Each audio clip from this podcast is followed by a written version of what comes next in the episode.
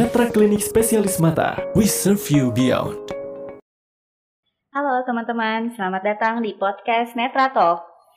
Podcast ini akan berisi tentang berbagai tips dan informasi mengenai kesehatan mata. Topik sekarang kita akan membahas tentang ternyata banyak yang belum tahu bagaimana cara memakai obat-obatan di mata. Bagaimana caranya ya? Terdapat berbagai macam obat mata dan banyak sebagian orang belum mengetahui gimana cara mengaplikasikannya ke mata dan memiliki kesulitan untuk mengaplikasikannya ke mata.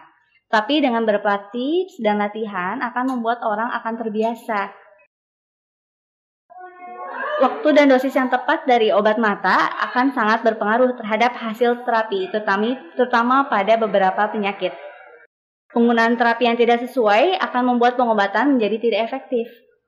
Pemberian obat mata harus sesuai dengan instruksi dokter, tidak boleh dihentikan lebih awal ataupun digunakan bersamaan dengan orang lain, karena memiliki fungsi terapi berbeda-beda. Nah, kita sekarang udah bersama salah satu dokter terbaik netra, yaitu Dokter Ohisa Harle ya dok, spesialis mata konsultan. Apa kabar dok? Baik, baik, alhamdulillah. Dokter Tami apa kabar?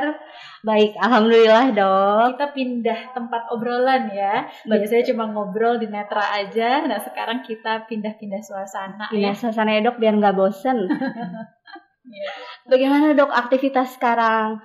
Selama masa pandemi, apakah masih praktek hmm. atau praktek istirahat? Iya, ya, praktek sih.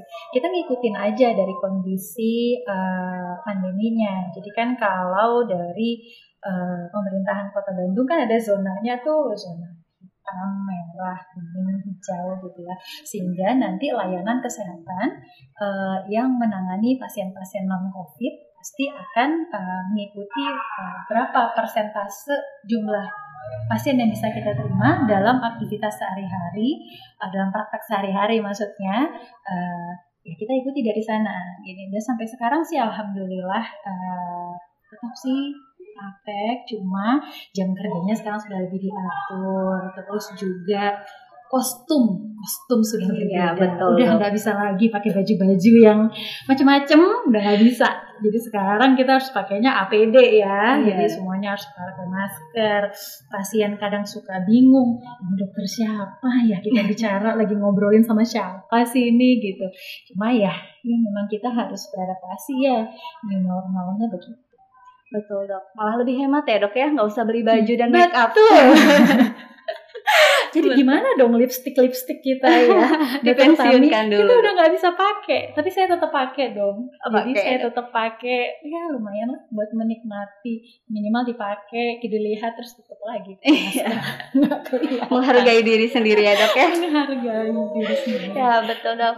Nah sekarang kita akan membahas tentang materinya ya dok ya, tentang hmm. bagaimana sih cara menggunakan uh, obat-obatan pada mata. Iya betul. Iya ini tuh sebenarnya hal yang simple tapi uh, terkadang pada beberapa orang nggak terlalu paham. Misalnya gini, setiap uh, pasien datang nih ya untuk berobat mata, biasanya pasti nanya, dok, ini obatnya nggak ada yang diminum dok? Bisa sembuh nih dok kalau pakai obat ditetesin aja? Apa mungkin perlu ditambahin obat minum nggak gitu? Karena biasanya pada sebagian masyarakat masih berpikir kalau untuk sembuh itu harus obatnya diminum. Nah, sebenarnya kalau untuk mata tidak seperti itu prosesnya. Jadi obat tetes mata, obat mata itu macam-macam deh. Kalau misalnya kita mau ngelihat dulu ya, ada obat ditetesin, ada obat dibagi dua dulu. Obatnya yang kita berikan lokal ke matanya aja, hmm. atau kita berikannya itu yang bisa masuk ke sistemik, jadi ke seluruh tubuh. Yang biasanya kita berikan bisa seperti obat-obat yang biasa diketahui, misal kayak obat yang tablet, sirup atau disuntikin intravena oh, iya. gitu ya itu bisa. Seperti kayak penyakit-penyakit non mata lainnya. Nah tapi ada lagi nih di luar dari itu yaitu obat-obat yang dipakai khusus yang memberikan efek hanya di matanya saja. Walaupun nantinya sekian persen lah ya masih dapat terserap oleh tubuh Nah, itu macam-macam. Ada yang tetes, ada yang uh, salep, ada yang disuntikin. Nah, disuntikin ke mata tuh macam-macam lagi. Ada yang disuntikinnya di sekitar dari bola mata, jadi jaringan di sekitar mata, atau ada juga yang langsung disuntikin ke mata. Wah, jadi banyak banget ya dok ya. Banyak, banyak banget. Nah, eh, yang eh, mungkin secara garis besarnya ya, mata itu dibagi-bagi. Ada mata bagian depan, ada mata bagian belakang. Nah, mata bagian belakang itu hubungannya lebih ke persarafan lah ya. Hmm. Kalau mata bagian depan itu yang dari yang kelihatan sampai ke setengah isi tengah pertama lah bagian depan kita. Nah, kalau pada kondisi seperti itu, eh, efektivitas dari obat yang diberikan langsung kayak seperti tetes dan salep itu memberikan efek yang justru lebih besar daripada diminum. Iya, iya. Karena kalau diminum, kita pikirin dulu dia diminum, terus masuk ke lambung, masuk ke saluran cerna. Setelah itu nanti dimetabolisir dulu. Sebagian akan dibuang lewat hati. Lalu sebagian lagi masuk ke aliran darah. Dari aliran darah baru sampai ke mata. Jadi panjang perjalanannya. terlalu panjang ya. Iya, ya, nah pada kondisi seperti itu kita bayangkan dari satu misalnya 100 nih komposisi obatnya yang sampai ke mata kita mungkin sekiannya, sepersekiannya lah ya. Nah, itu pun masuknya adalah ke mata bagian belakang. Gitu. Jadi bukan ke mata bagian depannya tadi. Justru kalau kita tetes itu langsung memberikan bisa diserap lebih cepat oleh mata. Jadi tergantung jenis penyakitnya apa, dokter. Hmm, Kalau iya, misalnya mata penyakit matanya memang lebih ke permasalahan di mata bagian depan, maka obat-obatan topikal seperti tetes dan salep akan lebih bermanfaat daripada obat yang diminum. Oke, Wah, jelas banget ya dok ya ini Hmm. dokter menjelaskan. Jadi kan banyak orang awam mengiranya obat mata itu tetes aja ya dok ya. Jadi Iya. tadi ada ada yang suntik langsung ke mata, ada yang suntik Betul. intravena, ya dok ada tetes, salep, ternyata banyak ya dok ya. Hmm. Nah, bagaimana sih dok? Eh, sekarang kita bahas yang tetes dulu nih yang paling sering ya. Gimana sih dok cara meneteskan obat mata ke mata? Kadang kan ada yang orang habis ditetesin terus kedip-kedip, apakah itu benar? Gitu. Oh, Oke. Sebenarnya sih netes itu sulit, sulit, gampang. Itu gampang-gampang sulit ya. Hmm. Dua lah. Jadi pada saat netesin obat, eh, sebenarnya cara yang paling gampangnya saya selalu jelasin, tetesin ke sudut mata atau ke kantong mata bagian bawah. Gitu. Jadi permukaan kita di bagian tengah ini namanya kornea. Nah di kornea itu persarafannya tinggi sekali, sehingga refleks mengedip kita akan lebih besar terutama apalagi pada anak-anak. Dia akan terasa kaget sekali pada saat kita tetes.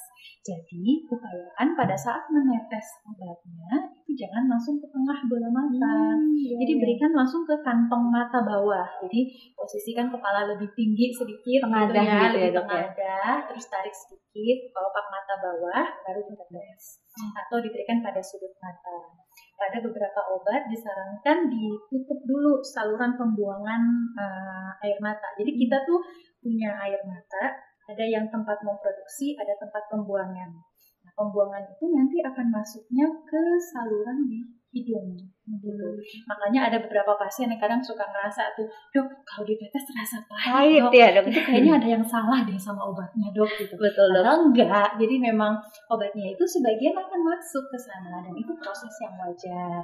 Jadi nggak apa-apa, lalu nanti si obat tetes itu akan diseleksi lagi Hmm. oleh permukaan mata kita. Itulah yang hebatnya ciptaan Tuhan. Jadi permukaan mata yang sehat akan menerima obat tetes itu berbeda dengan permukaan mata yang nggak sehat. Yang misalnya ada luka, yang misalnya ada perubahan pada eh, permukaan mata terhadap yang memproduksi air matanya. Jadi itu bisa beda-beda. Jadi secara sederhananya sih kalau tadi pertanyaannya cara netesin, netesinnya di kantong mata bawah Kantong aja mata ya. atau di sudut mata. Biar penyerapannya juga, terus nggak langsung ngedip, jadi nggak ya dok ya Iya, sebenarnya ngedip eh, refleks mengedip itu kan sebenarnya nggak bisa ditahan ya. Betul. Kalau boleh jujur ya, rahasia. Saya nggak bisa netesin mata saya sendiri. Iya dok ya. Nah, saya dokter mata, udah bertahun-tahun, tapi saya nggak bisa netesin mata saya sendiri gitu. Kenapa? Karena saya uh, tidak semua orang terbiasa buat netesin. Jadi uh, saya mah, paham sekali, memahami bahwa pada pasien-pasien yang belum pernah menggunakan obat tetes, uh, pasti ada lah rasa kesulitannya gitu.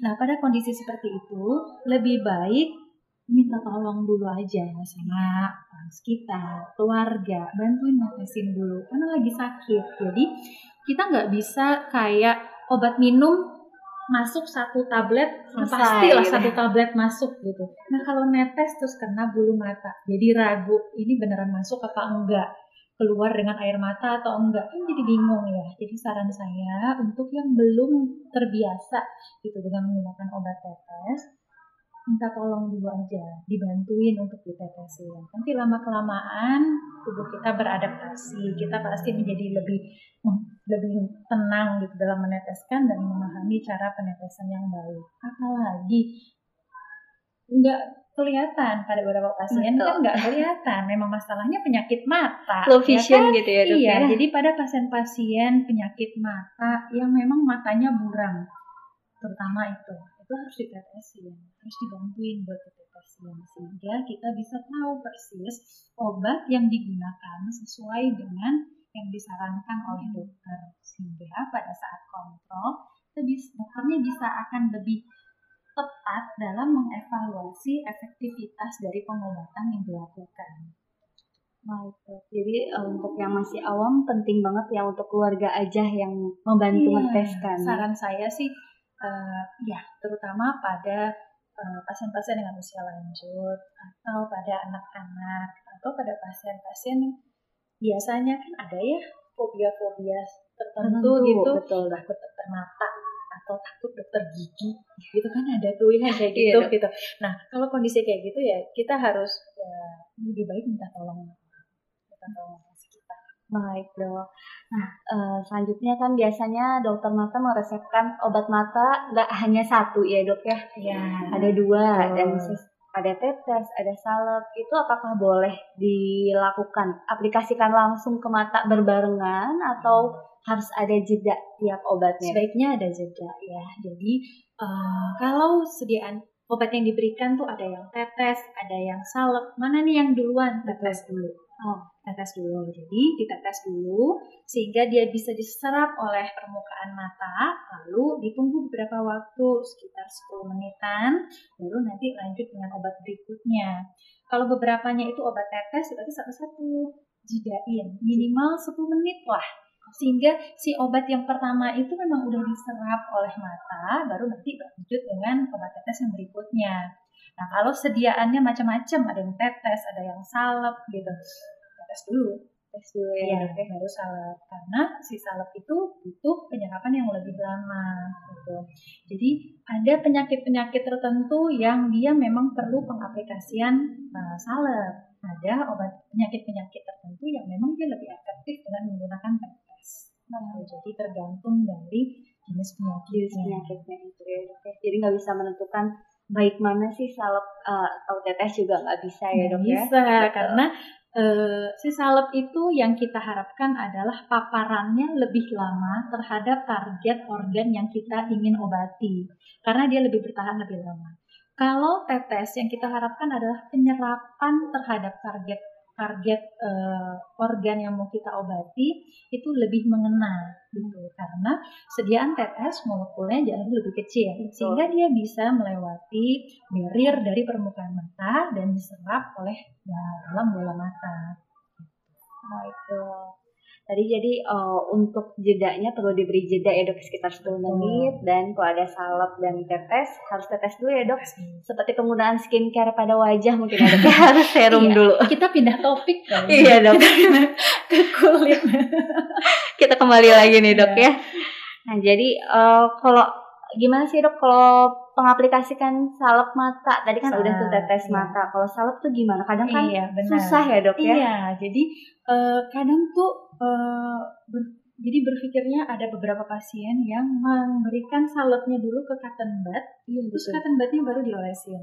Sebenarnya tidak tepat seperti itu. Oh. Jadi seharusnya jadi si tube dari eh, salep itu udah didesain sesuai dengan eh, jumlah yang kita berikan gitu. Jadi diberikannya langsung aja dari tubenya. Pakai tubenya iya, langsung. langsung dengan tubenya. Dan satu hal perlu diingat adalah tutup si obat. Iya, pada itu saat- penting ya dok. Iya, jadi eh, dia kan beda kayak eh, salep, eh kayak obat minum ya, yang maksudnya sekali kita buka tempat yang dipakai udah emang nggak dipakai gitu. Tapi kalau eh, tetes atau salep, tutupnya kan dipasangin lagi gitu. Jadi kita harus benar-benar jaga si tutup ini supaya tetap steril, tetap Iya. bersih. Seperti salep juga. Jadi pada saat kita mau memberikan obat, ambil dulu tisu yang bersih, letakkan si uh, tutupnya di sana, si obatnya dipegang. Nah, obatnya itu baru kita aplikasikan ke mata, baik itu dalam bentuk tetes ataupun dalam bentuk salep. Kalau salep langsung diberikan. Biasanya salep itu kita berikan untuk kondisi uh, mengobati penyakit pada permukaan mata, termasuk kelopak mata.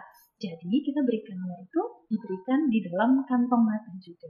Kalau target yang mau kita obati bagian bawah, maka masukin tarik sedikit kelopak mata bawah, berikan sekitar 1 cm.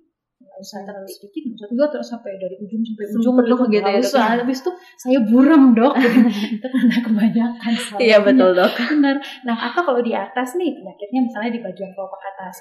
Lihat ke bawah, tarik sedikit kelopak atasnya, berikan kepada eh, permukaan mata yang putih. Jadi kita berikan di situ. Yang putihnya Iya, aja ya dok. yang putih, terus merem, baru disatukan lagi ke tepi kelopak mata. Nah, target dari pemberian salep tergantung dari lokasinya. Karena berbeda tadi. Kalau salep, dia memang langsung diaplikasikan kepada target tempat penyakitnya. Jadi, lokasi tempat pemberian salep sangat penting. Kalau tetes, itu dia akan menyebar karena bola mata kita eh, ada kurvaturanya ya, betul. melengkung. Sehingga obat di mana pun, asalkan dia nggak keluar dari eh, permukaan mata, dia akan keserap. Gitu. Jadi eh, beda-beda nih eh, kelebihan dan kekurangan dari bentukan tetes dan salep tadi. Jadi salep itu penting banget kita eh, mengaplikasikannya di tempat yang tepat gitu ya dok ya. Nggak boleh asal-asal di mana. Iya. Benjolannya di mana kita nyelepin di mana nggak Iya, boleh ya dok ya. Benar, benar. Betul. Baik dok, Eh, sekarang kita lanjut nih. Kalau misalnya obat tetes mata dan salep mata ini udah digunakan, maksimal itu sampai berapa lama ya dok? Apakah bisa sesuai expirednya, biasanya sampai Mhm. tiga tahun, atau setelah dibuka itu ada masa waktunya? Oke, itu tergantung dari jenis obat itu sendiri. Pada saat eh, di dalam obat itu ada pengawetnya. Jadi ada yang menggunakan pengawet, ada yang tidak menggunakan pengawet. Biasanya obat-obat tetes yang tidak menggunakan pengawet sediaannya memang lebih kecil, jadi eh, mini dose. Oh iya, Pada- kecil-kecil itu Iya, ya. nah pada kondisi yang seperti itu memang cuma bisa dipakai dua hari. Itu sebaiknya menggunakan hanya dua hari saja. Tapi kalau pada obat-obat yang memang sudah ada pengawet di dalamnya, maka itu masih bisa dipakai selama satu bulan. Gitu. Jadi setelah dibuka, kalau belum dibuka, bisa sesuai dengan batas expire yang tertulis di label atau kemasan dari si obat. Tapi kalau sudah dibuka, maka itu eh, masih aman kita gunakan selama satu bulan. Asalkan ditutup dengan baik, tidak kena paparan dari sinar matahari secara langsung, kondisinya tidak berubah secara konsistensi, maka itu masih aman untuk digunakan. Iya dok. Iya kadang kan awam habis dibuka dibiarkan terus nanti setelah lima bulan masih dipakai lagi gitu ya dok ya banyak yang belum tahu kan dok ya Benar-benar, iya. Jadi Jadi terkadang eh, saya itu pakai misalnya nih ada sakit tertentu gitu. Biasanya nanti datang, tapi saya sebelumnya udah saya obatin kok pakai obat. Dulu pernah ke dokter mata juga dengan sakit, lalu uh, dipakein obatnya. So, padahal ternyata obat itu sudah pada dewasa. Iya, betul, Dok. Penyakit lagi. jadi tambah penyakit ya dok ya baik dok nah eh, mungkin beda sama kita di luar materi lagi nih dok misalnya terjadi mata merah, itu ada nggak sih obat-obatan over the counter atau yang bisa kita beli bebas dulu untuk penanganan Oh, awal? Ditambah dengan untuk pandemi ya Iya, sekarang. betul. Jadi kalau pas lagi kelipan apa sih yang harus kita lakukan? Mungkin Iya. gitu kali ya dok ya. Gitu. Nah yang pertama jangan kucuk-kucuk mata. Karena kita nggak tahu tangan kita itu kotor atau tidak. Jadi misalnya nih kita kelipan matanya. Kita berhenti kalau bisa pas lagi mengendara atau kena iritasi kita terdiam dulu. Lalu jika memang kita tidak bisa langsung cuci tangan, kondisinya mata kelipan, merem matanya dulu dipejamkan. Kenapa? Karena kita sebenarnya punya pertahanan yang eh, diberikan oleh air mata. Bola mata kita itu melengkung sehingga jika ada sesuatu benda yang masuk dengan kita memeramkan mata, maka si eh, kotoran itu akan pindah ke sudut mata, entah ke sudut dalam atau ke sudut luar yang digeser oleh air mata yang diproduksi akibat iritatif yang ditimbulkan oleh si benda asing tadi.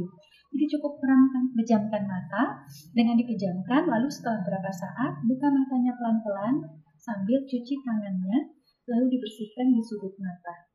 Jika memang masih ada iritasi itu, maka gunakan pembersih mata. Pembersih mata itu bisa menggunakan air mata buatan, jadi artificial tears.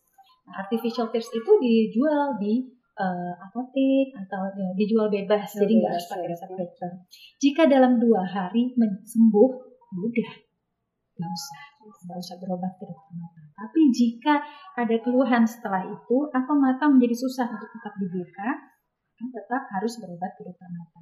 Jadi eh, tetap sedia eh, artificial tears ya, untuk jaga-jaga untuk membersihkan mata.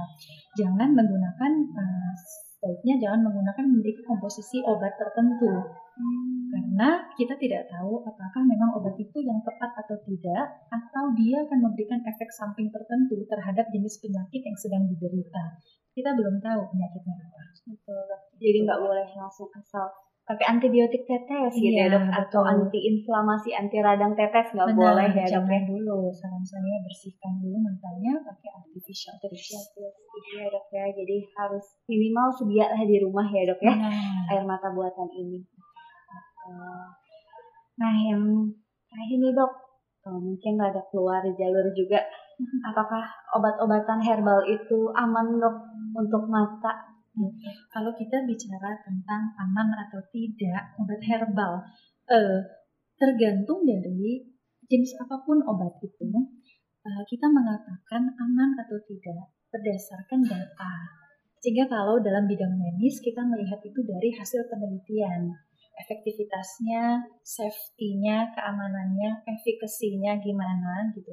Jadi jika obat apa pun, mau dia obat medis atau dia obat herbal atau apa pun, asalkan dia sudah melewati uh, jenjang-jenjang penelitian tersebut dan dikatakan aman untuk digunakan pada mata, nggak apa-apa, nggak apa-apa digunakan.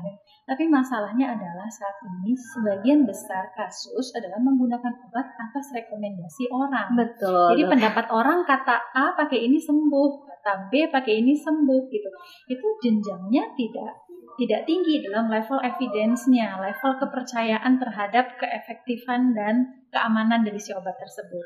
Nah, kalau kondisi seperti itu susah. Kita nggak bisa memastikan obat itu aman atau tidak pada mata. Karena untuk bisa digunakan pada mata itu banyak seleksinya. Nggak cuma efektif atau tidak, tapi aman nggak, sesuai nggak tingkat pH-nya terhadap permukaan mata. Karena dia bisa merusak pH. Lalu sterilitasnya bagaimana? Berapa jumlah yang akan diberikan? Berapa persen dalam komposisi si obat itu? Nah itu harus tahu. Kalau misalnya memang ada penjelasan itu dan semuanya sudah melewati eh, penelitian tersebut, maka nggak masalah. Obat Jadi ternyata eh, banyak juga syarat-syarat untuk menjadi obat mata gitu ya dok. ya. Betul. Untuk menjadi obat tetes Obat tetes, terutama iya. ya itu memang banyak sekali karena dia tidak boleh derajat keasaman saja harus diatur gitu karena keasaman eh, di permukaan mata kita berbeda. Kita kena trauma kimia permukaan mata kita langsung rusak. Nah, itu berbahaya gitu. Jadi harus diperhatikan juga dalam kondisi level seperti itu. Baik dok, jadi nggak boleh uh, sesuai testimoni orang aja Iya, gitu ya dok ya. Maupun bisa. cuma suplemen juga nggak boleh ya dok. Betul, apa pun itu sebenarnya kembali kepada personal masing-masing. Asalkan memahami manfaat dan risikonya, silahkan gunakan gitu. Cuma jika menanyakan pendapat profesional dari segi medis, maka yang perlu diperhatikan dasar pemikiran kita menentukan obat itu boleh dipakai atau tidak adalah hal-hal yang tadi saya jelaskan. Penelitian tadi ya dok ya. Betul. Ini wah banyak banget ya dok ya ini informasi yang telah dokter berikan kami. Panjang ceritanya, bisa sampai malam Iya kayaknya. ya dok ya panjang banget. Nah uh, closing statement hari ini apa dok mungkin dokter bisa uh, menyampaikan ke kita? Eh, obat-obatan itu dipakai sesuai dengan fungsinya. Gunakan sesuai dengan yang disarankan oleh dokter. Jika bingung, tanyakan kepada eh, orang yang paham. Hubungi apoteknya jika memang tidak memahami cara penggunaan atau ada hal-hal yang diragukan. Dan pada kondisi pandemi ini, itu hal yang terpenting tadi, sehingga pada saat kelilipan jangan pucuk mata, jangan juga menggunakan obat tetes sembarangan, tapi eh, tutup matanya, pejamkan mata, tunggu air mata yang akan memisahkan si kotoran tadi dari permukaan mata, cuci tangannya, bersihkan. Lalu jika iritasi, teteskan artificial tears. Jika keluhan masih ada, baru berobat. Baik dokter, terima kasih banyak ya dok ya, sangat Sama-sama, bermanfaat Dokter sekali ilmunya bagi Sama-sama. teman-teman semua. Semoga kita bertemu lagi ya dok ya di episode selanjutnya. Oke. Baik, nah untuk mendapatkan informasi tentang kesehatan mata, bisa langsung follow Instagram kami yaitu @netraclinic. Netra Klinik Spesialis Mata, we serve you beyond.